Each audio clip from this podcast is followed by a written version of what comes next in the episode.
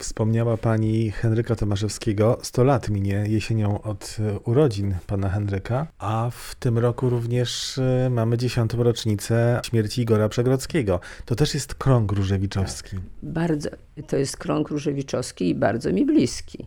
Ja się właściwie najbardziej zajmuję Tadeuszem, Igorem, no i też panem Tomaszewskim, bo Henryka Tomaszewskiego poznałam najwcześniej. I jako dziewczynka w baleciku jeszcze, kiedy on w operze tańczył Złotego Kogucika. I po prostu jak y, ta pierwsza wycieczka się odbyła, prawda, zimą, 80, już nie pamiętam którego roku, kiedy y, ja po prostu powiedziałam Tomaszewskiemu, że do tego Muzeum Lalek przywiozę Różewicza kiedyś, a Różewicz no i wreszcie wyznaczyliśmy termin i wtedy spadł straszny śnieg, bo to było w styczniu, to miało być z okazji Nowego Roku.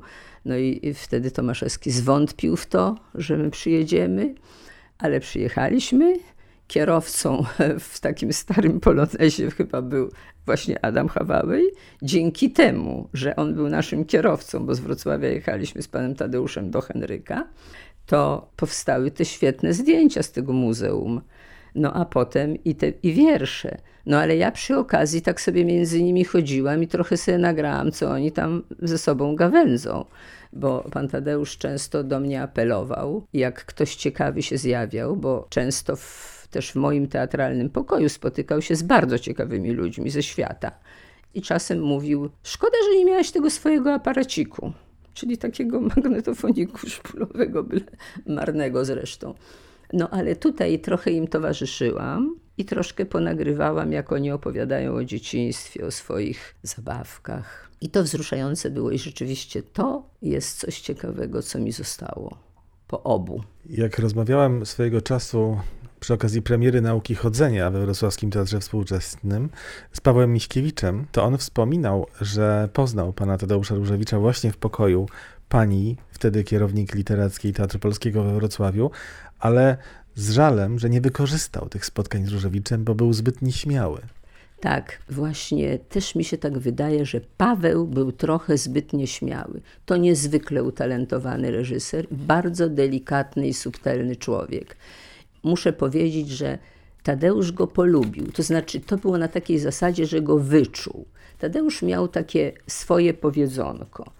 E, dotykał palcem środkowym dłoni jednej części nosa i mówił do mnie, jak ktoś przychodził tam do mnie do pokoju, ja coś go dotykał i mówił tak, Mario, nie trać czasu. I ja tylko pociągnę nosem. I wiem od razu.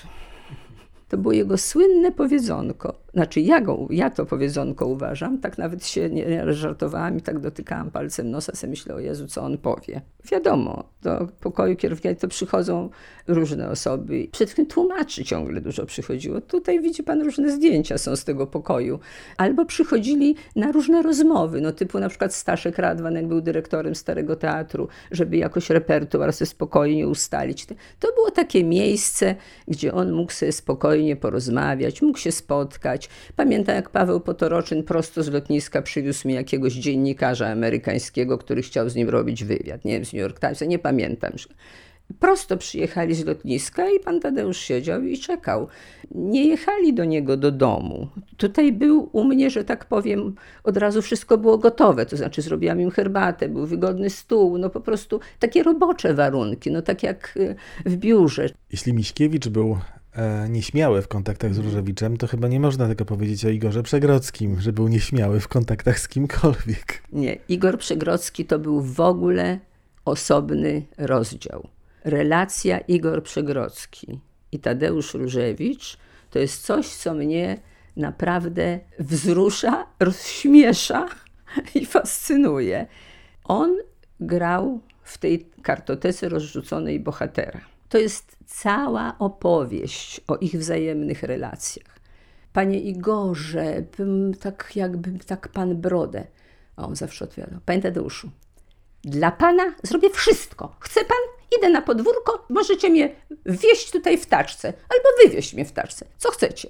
Więc on miał po prostu w stosunku do Tadeusza coś w rodzaju kultu. Poza tym on miał garderobę na pierwszym piętrze w teatrze. Jak się wchodziło z portierni, to się szło tamtędy, koło bufetu i się dopiero szło wyżej. Ale jak wiadomo, Igor w garderobie nie siedział. Natomiast siedział w bufecie i był w pracowniach, no i był często u mnie. I on był często forpocztą. Puk, puk. Będziesz miała gościa. Puk, puk. Poeta idzie do ciebie. Ja idę na górę. To znaczyło, że idzie do pracowni. Ale czasami przyprowadzał go, wprowadzam ci gościa. A na to pan Tadeusz mówił, ależ panie Igorze, niech pan nie ucieka, niech pan zostanie.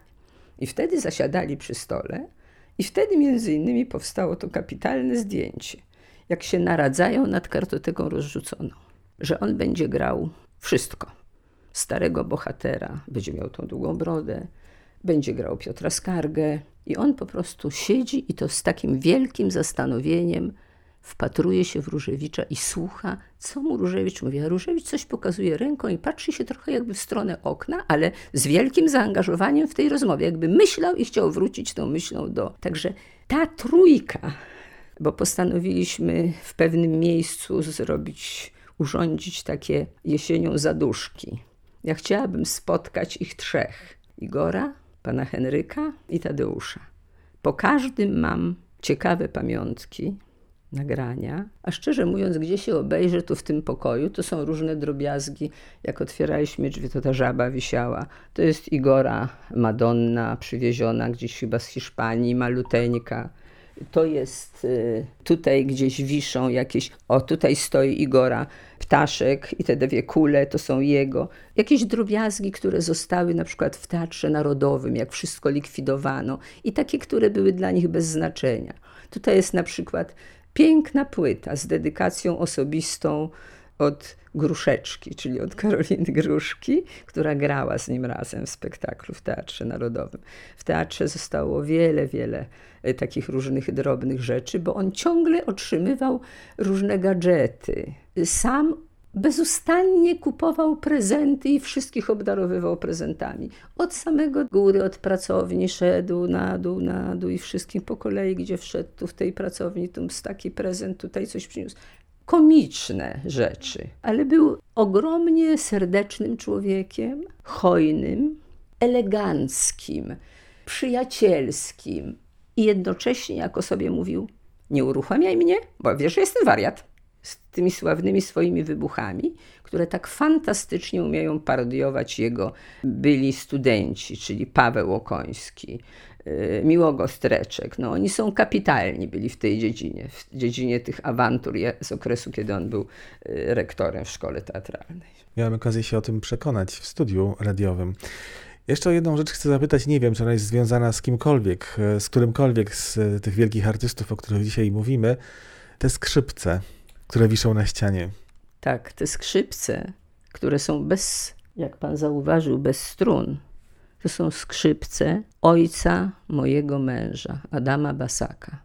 Ojciec mojego męża był dyrektorem szkoły na Pomorzu i został po prostu rozstrzelany przez Niemców od razu we wrześniu 1939 roku. Matka męża była również nauczycielką, została sama. To jest taki los. Niewiele pamiątek zostało, ale te skrzypce się jakoś uchowały. Niech wiszą na ścianie, bo każda rzecz, którą tutaj na ścianie nie umieszczam, ma dla mnie jakieś znaczenie. Nie chcę wieszać takich obrazków. To jest jedyna rzecz, która po nim została, tak myślę. Tadeusz Różewicz chyba do końca życia nie mógł się pogodzić z wojną i wojennymi sprawami. Jest taki słynny wiersz złożony z samych dat, z samych lat, prawda? Mm -hmm, I ta data 45-39 to jest e, ta chyba najważniejsza. Najważniejsza, tak. Wojna naznaczyła całe jego życie. To jest absolutnie. Również poprzez fakt utraty brata, ponieważ utrata brata Janusza była czymś, co właściwie w jakimś sensie ukształtowało, wpłynęło na całą jego twórczość i co właściwie on cały czas w nim był. Także to, że ja zdecydowałam się na ten taki bardzo szybką próbę zrobienia tego tomu poezji dzięki tym fantastycznym przyjaciołom, tłumaczom, profesorowi Howardowi, jego żonie i profesorowi Woldanowi. Ja poczułam, jakby mi trochę kamień z serca spadł, jak gdybym wykonała jakiś fragment testamentu Tadeusza Różewicza, którego on mi nie przekazał ale znając go tak długo i wiedząc tak dużo z nim rozmawiając i znając całą jego rodzinę, Radomsko, przede wszystkim Stanisława, reżysera, z którym się przyjaźniłam, aż do jego śmierci, to po prostu wydawało mi się, że muszę coś zrobić dla Tadeusza, utrwalając pamięć Janusza. I to były te y, wiersze, które właściwie Tadeusz wybrał do starszego brata, a poza tym Tadeusz do końca życia trzymał pod sercem taką paczkę.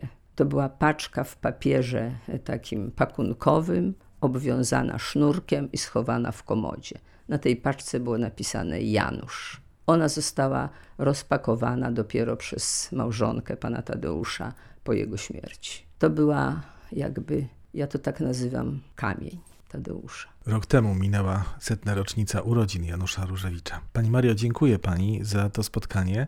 Mam nadzieję, że spotkamy się jesienią, kiedy będziemy celebrować obecność, cały czas obecność tych trzech wielkich artystów. Ja mam cały czas przekonanie, że oni są, a z Tadeuszem Różewiczem to ja sobie po prostu rozmawiam. Bo ja ciągle weryfikuję. On tak krytyczny był w stosunku do mnie, tak często mi zwracał uwagę, dopingował mnie. Także ja na przykład nieraz padając na nos, idę jeszcze do dodatkowej sali w muzeum, bo sobie myślę, nie, no to jeszcze muszę zobaczyć, no bo tak jakoś głupio. Cały czas gdzieś w tyle głowy mam ten imperatyw, żeby póki się żyje, poznawać świat, uczyć się. To też są takie korzenie rodzinne, nauczycielskie, akademickie. Uważam, że w sensie e, intelektualnym mam wielki dług do spłacenia Tadeuszowi Różewiczowi. I właściwie, jak pan widzi, to czym się tutaj zajmuję i w czym ciągle tkwię, to są ciągle takie rzeczy, które z tego długu wynikają, ale też wynikają z moich zainteresowań. I to mnie ciągle bardzo inspiruje. I niezwykle ciekawe kontakty, również międzynarodowe, bo ciągle ktoś do tego Różewicza wraca, ktoś się ciągle chce o coś spytać czegoś dowiedzieć, albo ciągle trzeba komuś pomóc. No, tutaj stoi niedawno wydany tomik, przy którym pracowałam właściwie jakby to była moja praca.